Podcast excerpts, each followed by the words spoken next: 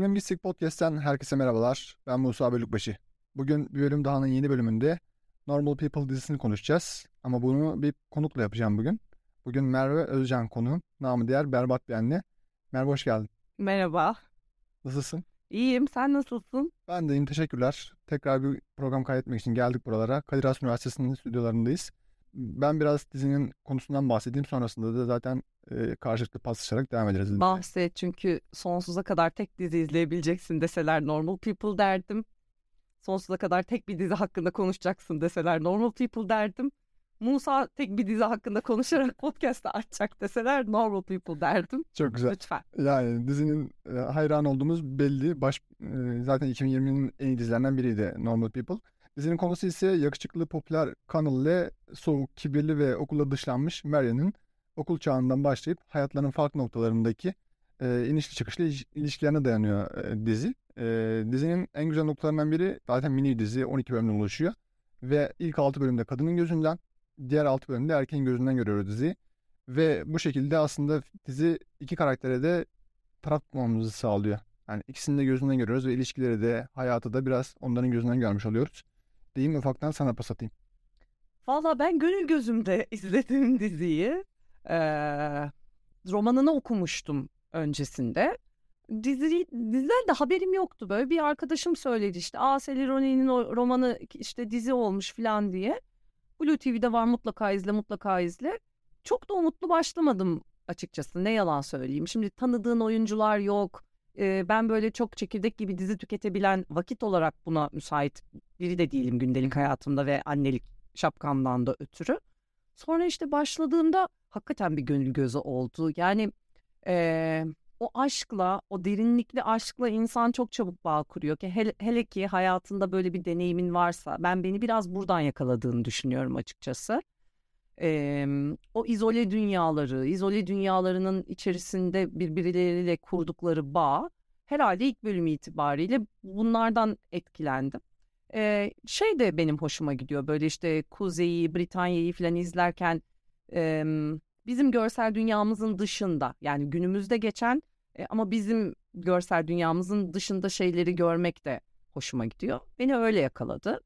Sonra da bırakmadı zaten ve oyuncuların tabii oyunculukların gücü. Kesinlikle. Yani, yani Daisy'de Paul'da enfes oynuyor. Yani dizi e, her iki oyuncu da bu diziden sonra patladı aslında. Bu kadar güzel olamazsın yani. Ben buradan Daisy Edgar'a aşık olduğumu söyleyebilirim. enfes bir oyuncu kendisi. Geçen sene sanırım aynı yıl içinde iki tane veya üç tane film yaptı. Paul da aynı şekilde çok fazla film yapıyor. O kadar haklısın ki Musa. Ben ilk Daisy'ye tutuldum. Dedim ki bu ne ya bu nasıl cool gibi bir kadın. Hatta Pol'ü gözüm görmedi diyebilirim. Bence onun oyunculuğunda da böyle bir sihir var zaten. Böyle oyunculuğunu üzerine kurşun sıkarmış gibi bırakmıyor. Sen gözünü açtığın andan itibaren ekranda Paul Mescal'e maruz kalmıyorsun. Onun böyle sana yavaş yavaş tesir eden çok güçlü bir e, akımı var bence izleyiciyle arada. O yüzden ben de o bu kız çok patlar işte kim bilir nerelerde görürüz falan derken herhalde ikinci, üçüncü bölüm itibariyle Paul Mescal'in gülüşünü keşfedip Bir de şey olayı bu çocuğu da göreceğiz demeye başladım. Dizi aslında lise hikayesi olarak başlıyor ve dizi lise hikayesinden beklenecek şeyleri de aslında sunuyor. İşte popüler bir çocuk var. Ona yüz vermeyen kibirli, soğuk bir kız var ve bu yüzden dışlanmış bir kız var. Çok bilindik hikaye aslında ama üçüncü ve dördüncü bölümden itibaren kendi yolunu da bulduruyor aslında. O kadar duygusal değişimlere sevk ediyor ki dizi bizi. Yani duygusal bir nehir var aslında. Ben öyle tanımlıyorum bu diziyi çok fazla duyguyu aynı anda yaşıyoruz. Tamam aşk hikayesi ve aşkın farklı durumlarının e, tezahürünü izliyoruz biz burada. Biraz da aşkın acısını izliyoruz zaten. Yani acı yoksa biraz da aşktan da bahsedemeyiz ya. En azından ben öyle yorumluyorum aşkı. E, bu dizi tam anlamıyla böyle bir şey. Yani sürekli size acı veriyor. Sürekli bir e, sarsıntı halinde omuzlarınızdan aslında sallıyor sizi. Ama bilmiyorum belki de biraz mazoşist tarafından e, hepimiz bunun için seviyoruz. Ve herkes de bunun için ağlıyor belki de. Şimdi sabah bir arkadaşla konuştum. Yine aynı sebeplerden dolayı çok fazla ağlamış dizide. Ee, yine başka bir arkadaşla konuştuğumda şey dedi. Yani tekrar başlayabilir miyim acaba? Tekrar başlasam mı acaba dedi. Çünkü e, hazır olmadığını hissediyor. Açıkçası şimdi ben de diziyi izleyeli bayağı bir vakit olmuş. Ee, tekrar da izleyip böyle hazırlanarak gelmek istemedim. Çünkü bende bıraktığı duyguyu ve e, evet. hatırımdakileri konuşmak daha dürüst olur diye düşündüm. Ama belki bu bölümünden sonra senin ben de bir tekrar izleyebilirim diye düşünüyorum. E, o zaman beni en çok ele geçiren şey başka kimsede bulamadıkları o yakınlık, başka kimsede bulamadıkları o konfor alanı, o derin bağ, o bir gözle anlaşmak, o birbirinden uzaklaşıp uzaklaşıp yeni kendilerine hayat kurmaya çalışıp çalışıp e, aynı batağa, aynı aşk batağına tekrar saplanmalarıydı.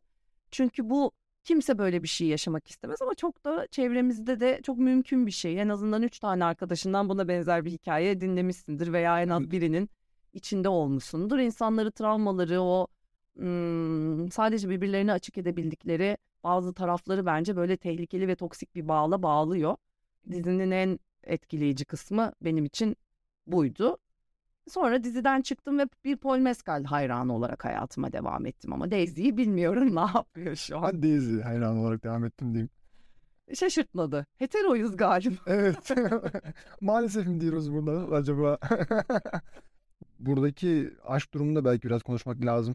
Yani o karakterlerin küçüklüğüne itibaren başlayan bir senencemeli bir yolculuk var. Yolculuk e, dikenlerle kaplı durumda. Yani başta Daisy'nin karakteri Marion e, ne kadar soğuk, ne kadar içine kapanık olsa da şey onu senin biraz önce söylediğin gibi e, Connell biraz da onu iyileştiriyor aslında. Sevmek ve sevilmek e, kızın bütün egolarına ve aşağılık komplekslerine ve o e, dışlanmışlık duygularına bence çok iyi geliyor. Koşulsuz bir sevgi alıyor mütemadiyen Connell'dan bence. Yani ikisi birbirini besliyor, ikisi de birbirini iyileştiriyor. Yani burada da ilişkilere bakmak lazım. İlişkilerde böyle bir durum vardır ya. Yani iyileştirmiyorsa seni zarar veriyorsa toksik bir ilişkidir o. Ama iyileştiriyorsa sana daha önünü açıyorsa biraz daha nasıl diyeyim yoldaş oluyorsa işte bu sağlıklı ilişkidir. Aslında e, başta onların biraz daha toksik ilişkilerini görüyoruz. Sonrasında da biraz daha aslında düzelmiyor. Hep Ya, toksik. Hep Aslında toksik. çok güzel bir şey söyledin. Ya yaş ilerledikçe de mesela hep toksik evet çünkü o bağları toksik ve kopamamaları toksik birbirlerine çok genç yaşta tutuldukları ve birlikte büyüdükleri için muhtemelen bütün e, artılarıyla ve eksileriyle bütün arazlarıyla birbirlerini tanımakla ilgili. Çünkü yetişkin oldukça köşelerini törpüleyip arazlarını ne kadar açabileceğini hesaplamak gibi bir e, güdümüz de gelişiyor maalesef. Keşke hiç olmasa. Onların da beraber büyüdüklerini de görüyoruz. Yani çok hakikaten evriliyor ilişkileri, birbirlerini destekleme, e, birbirlerinin hayattaki en büyük nesi olma noktasına geliyor denir. Desteği olma noktasına Evet. geliyor. Burada e, bir detaydan bahsedeyim mi? Sonra tekrar şey yaparız. Et Sana et hatır, aşağıda- hatırlat bana. Baksana belli ki biraz hatırlamıyorum. Evet, İtalya biraz- şeylerini. Biraz unutmuşsun. Tekrar bakmak lazım. Yani dizide aşağıda sana söylemiştim. Şöyle bir detay var. Ee, dizide çok fazla seks sahnesi var. Erotik sahne var. Ve bunların e, her biri bir seks terapistiyle çekilmiş. Çünkü partnerlerin her ikisinde rahat ettirilmek istenmiş. Ee, özellikle Daisy için bu durum geçerli sanıyorum. Ee, seks terapistiyle beraber çal- çalışılmış, çekilmiş. Ve son dönemde biliyorsun Me Too hareketinin de çok konuşulduğu işte Hollywood'da pek çok cinsel tacizin Evet, ortaya saçıldığı dönemde ortaya. ee, böyle bir şey düşünmeleri, böyle bir şey öne yak olmaları enfes bir şey. Ben e, diziyi belki de bunun için bile sevilebilir diye düşünüyorum ben. Genel olarak clear bir atmosferi var bence dizinin zaten. Yani hiç fazladan diyalog yok, hiç fazladan em, gör, kadrajda gördüğümüz bir şey yok. Em, senaryo ona göre kitapla çok iyi uyarlanmış. Demek ki arkada da çok iyi çalışılmış, çok ince elenip sık dokulmuş ve yani cinsel terapiste kadar gidilmiş. Bence çalışma ortamı olarak da tamamen temiz ve huzurlu bir yerdelerdi demek ki. Bu çok acayip bir Evet, detay. evet. Bunu peki dü- düstur olarak tuttular mı acaba? Devam eden bir şey mi bu böyle seks sahneleri olan? Sen daha iyi bilirsin. Yani bu dizi için öyle olmuş ama diğer şeylerde A şeyde de olmuştu. Sanıyorum Zendaya'nın bir filmi vardı. Siyah beyaz Netflix'e Ay yayınlanmıştı. ya? Orada da bir şey vardı. Seks terapisti çalışılmış. Yani bilmiyorum Hollywood'da bu öncü olması lazım. Özellikle işte bu Me Too hareketiyle herkesin var olan suçlar ortaya çıkıyor. Bu- Bunların tekrar yaşanmaması için, tekrarlanmaması için bunun yapılması gerekiyor. Yani çok güzel bir fikir. Ben hayran kaldım diziye. Ee, ne kadar e, şey olsa da, toksik ilişkileri şey olsa da yine de bu güzel bir detay. Çok sevdim ben bu detayı. Umarım Hollywood'da da bu devamı gelir diyeyim ben. Bence bu bir zorunluluğa dönüşebilir. Yani muhtemelen de belki dönüşmüştür. Haberimiz yoktur. Çünkü 2020'de onlar bu işi böyle yaptılarsa e, bu iş en garanti yolu, en sağlıklı yolu bu demektir. Türkiye'de gerek yok. Zaten o kadar iddialı sevişme sahneleri hala pek de çekil. Eskiden sinemada görürdük. Sinemada şu an sansür kılıcından e, dem vurulduğu için olmuyor. Dijital dedik ki dijital geliyor. Aa, şu an onlar şeyi anladılar. sevişirler. Evet öyle bir şey bekliyorduk. Biraz daha özgür bir şey bekliyorduk. Bunların özgürlükle anladığı sigara içmek ve küfür etmek bir de rakı sofraları göstermek oldu. Evet, içki Çok üzülüyorum bu konuda. Dijitalden çok umutluyduk biz. Yani şahsiyet geldi, masum geldi, güzel işler gelecekti. Hala biz yurt dışındaki işlere hayıflanıyoruz. Yani hala metaforik olarak izliyoruz. Ben ona bile üzülüyorum. Ee, Birçok yönetmen otosansürü uyguluyor maalesef. Bırak gerçek bir sevişme sahnesini. Hani çok sevdiğim, çok bayıldığım işleri dünya standartlarında olan yönetmenler de bile. Mesela ben şeyi e, Kurak Günleri izledim. E, Görece beğendim de yani onu eleştirecek insan ben değilim ama e, orada mesela Ekin Koç'un kapı sahnesi benim en hoşlanmadığım sahneydi. E, çünkü bir cins, cinselliği o metaforik olarak görmek istemiyorum. Bence o filmin eksik taraflarından bir tanesiydi de bu. Yani rüştünü ispat etmiş yönetmenler bile bu işe girmiyor. Yine e, Emin Alper'in bir önceki filminde de yayık sallama sahnesi vardı. Yani artık seksi de metaforla izlememeliyiz bence. Ama tabii şu an zaten çok kritik bir dönemdeyiz. 28 Mayıs'tan önce ve 28 Mayıs'tan sonra diye tekrar bir kırılım olacak mı hayatımızda? 28 Mayıs'tan sonra neleri ne kadar izleyebileceğiz falan bunlar tabii. Yani şu anki halimize şük- şükür mü edeceğiz? Eder miyiz? Ya bilmiyorum. Böyle çok karamsar yorumlara da girmek istemiyorum açıkçası. Ya umarım her, her şeyden mutluyuz aslında. Her ne kadar şansımız e, tükenmiş gibi görünse de e, umut hep var. Nazım Hikmet Hanım burada da. Onun dediği gibi. Umut hep var aslında. Ve Normal People'a tekrar geçelim. Hatta burada da pası sana atalım Merve. At ben de hazır yaz gelirken o pası dizinin İtalya sahneleriyle alayım. Yani o beni beni büyüledi ya. O sadelik, o yaşantının içerisindeki kendi hallerindelik, o İtalya'daki evin bahçesi, orada kurulan sofra, orada bir Ferzan Özpetek penceresi açıldı önümüzde falan. Çok güzel diziydi gerçekten ve e, iyi ki bizi Paul Mescal'le tanıştırdı diye düşündüğüm bir diziydi. Kesinlikle.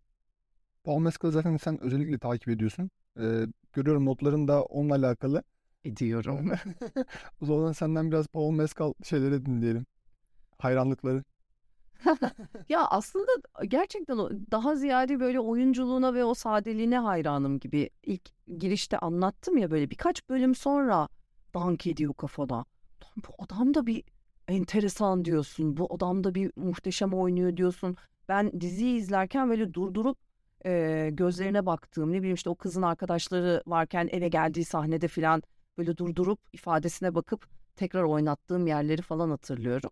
O yüzden böyle bu adam kim diye takip etmeye başladım. Sonra Lost Daughter'da karşıma çıktı.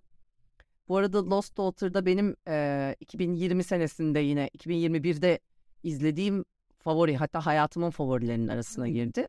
Ama orada biraz ebeveynliğimle de ilişkisi var tabii ki. Paul Mescal'i orada çok majör bir yerde durduğu için değil. Orada Olivia Colman döktürüyor.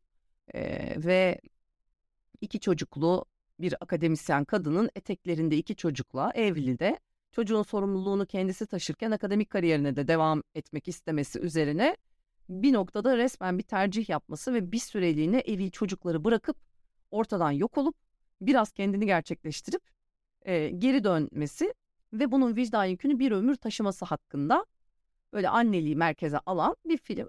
Yunan adasında tatilde falan geçiyor böyle çok ılık ılık da bir atmosferi var. Paul Mescal orada karşıma çıktı. İşte o zaman dedim ki vay Art House'a göz kırpmak mı? Demek ki biz Art House'da göreceğiz. E, bu benim için bir artı. Çünkü ben özellikle oyunculuğundan, performansından etkilendiğim aktörleri e, ana akımda gördüğüm zaman bayağı soğuyup hayal kırıklığına uğruyorum. Bu arada burada bir parantez açayım. Mesela Daisy Edgar Jones e, daha çok ana akıma yöneldi. Diğeri ise şeye yöneldi. Bağımsız sinemaya yöneldi.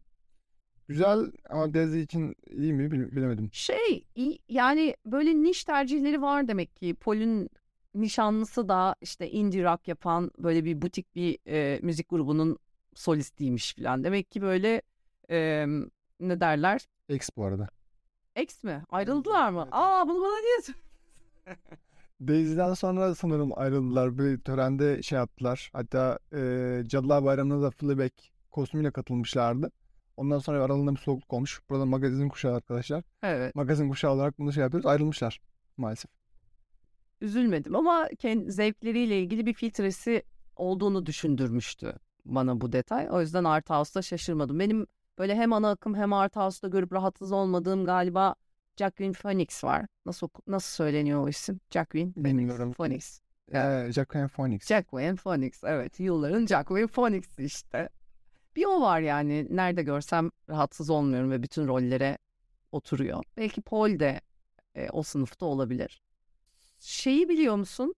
Paul'ün kendi kendine dans edip işte sarhoşken Scarlett'te dans edip Rolling. Stones'un bunu klip yapmasını. Rolling bir Stones şey Scar evet benim Aa, en beğendiğim performanslarından bir tanesi Lost Daughter'dan önce galiba bu dizinin ya Emmy adaylığındaki ödülü alınca ya Oscar'a aday olunca mı böyle bir gece sarhoş Scarlett'i açıp işte ben şu anda sarhoşum deyip dans ediyor otel odasında. aa, Ama çok iyi. Bunu izlememiş olduğuna inanamıyorum. izlemedim ya. Bundan yayından sonra izleyeyim arkadaşlar. Hemen göstereyim sana göndereyim.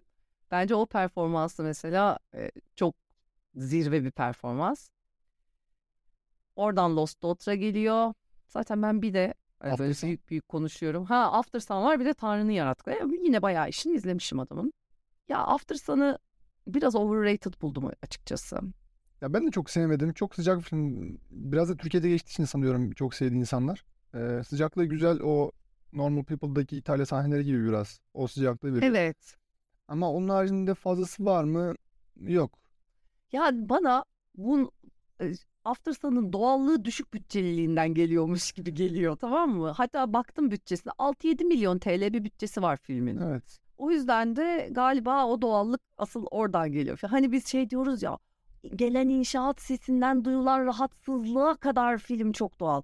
Yani belki de filmi çektikleri yerde gerçekten inşaat vardı ve bunu Ve ses mikserine paraları yoktu yani belki de yani. Hep böyle düşündürüyor. Ama şey detayı güzel. Ee, adamın bütün hayatı yani ilişkileri de kötü gidiyor. Parasal sıkıntıları da var. Bütün bu sıkıntılar içinde çocuğuna son bir tatili vermek istiyor. O tatilde de istediklerini veremiyor aslında. Herkes işte her şey dahil tatil yaparken onlar her şey dahil de yapamıyorlar. En sonunda filmin finalinde diğer tatillerden biri o kıza dilekli veriyor da kız ondan sonra gerçek bir tatil evet. yaşamaya çalışıyor. Adamın e, tavırlarına, yaşadıkları şeylere üzülüyorum. E, belki de filmin biraz kalitesi burada. Ama ben filmi daha çok e, adamın gözünden izledim. Pek çok insan kızın gözünden izlemiş. E, hatta kızın hikayesi diyor herkes.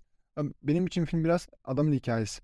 Çok ilginç. Ben de boşanmış bir aile çocuğu olmama rağmen e, belki de Paul Mescal'in etkileyiciliğinden ötürü yani performansının ben de onun gözünden izledim.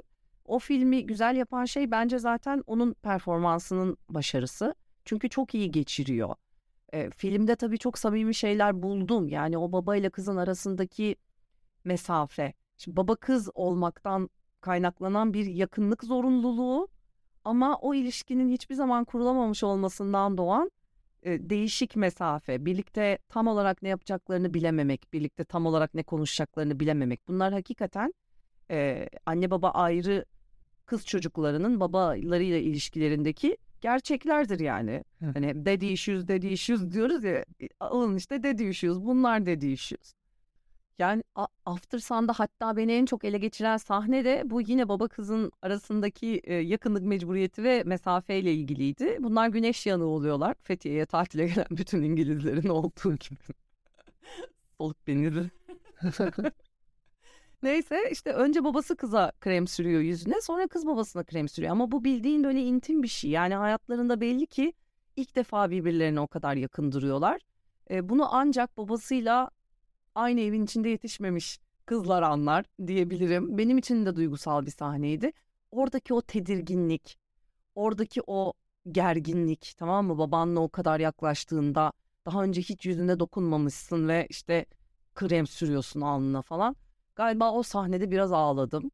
Ve dedim ki hani yönetmen için eee, hakikaten vermek istediği bu ve bunu vermiş. Ya benim için film orada bitti. Film benim için o. Ama overall'da sana demin de dediğim gibi sanki ben çok bir, bir, bir şeymişim gibi birazcık ilk uzun metrajlar yoruyor beni. Yani bu yazdıklarına aşık olma gibi hani bazen benim de başımın belası. Diyorum ki yani burayı burası olmayabilirdi. Ne bileyim işte bu kadar uzun olmayabilirdi. Daha iyi olabilirdi. Tabii ki insanlar bir şekilde deneyim kazanacaklar. Çok saçma bir şey söylediğim biliyorum ama bütün samimiyetimle konuştuğum için film ilk uzun metrajım diye bağırıyor bence. Bence de katılıyorum. Ama ilk uzun metrajlarına mesafeli değilim ben yönetmenlerin. Bazıları ilk filmlerde o falan oluyorum. Fatih Akın mesela. Fatih Akın mesela. Fatih Akın çok başka bir ekol ya. Özellikle son İstanbul Film Festivali'nde şey izlemiştik. Ren Altın'dan izlemiştik. Oo. Felaket bir film yani bulabiliyorsanız izleyin. Ee, Umarım vizyona da girer Türkiye'de. Büyük ihtimal girecektir. İnanılmaz böyle bok atmaya çalışıyorum o filme. Diyorum gene vermiş trapi beat'i işte bilmem ne diyorum. Yok ya adam bayağı iyi diyorum işte. Gene diyorum yıllar geçirtmiş her filminde de yıllar geçiriyor.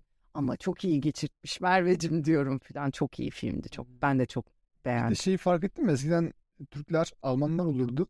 Ee, biraz biraz da Kürtler olurdu. Paramparçada Kürtler de vardı. Hı hı. Artık göçmenler de var.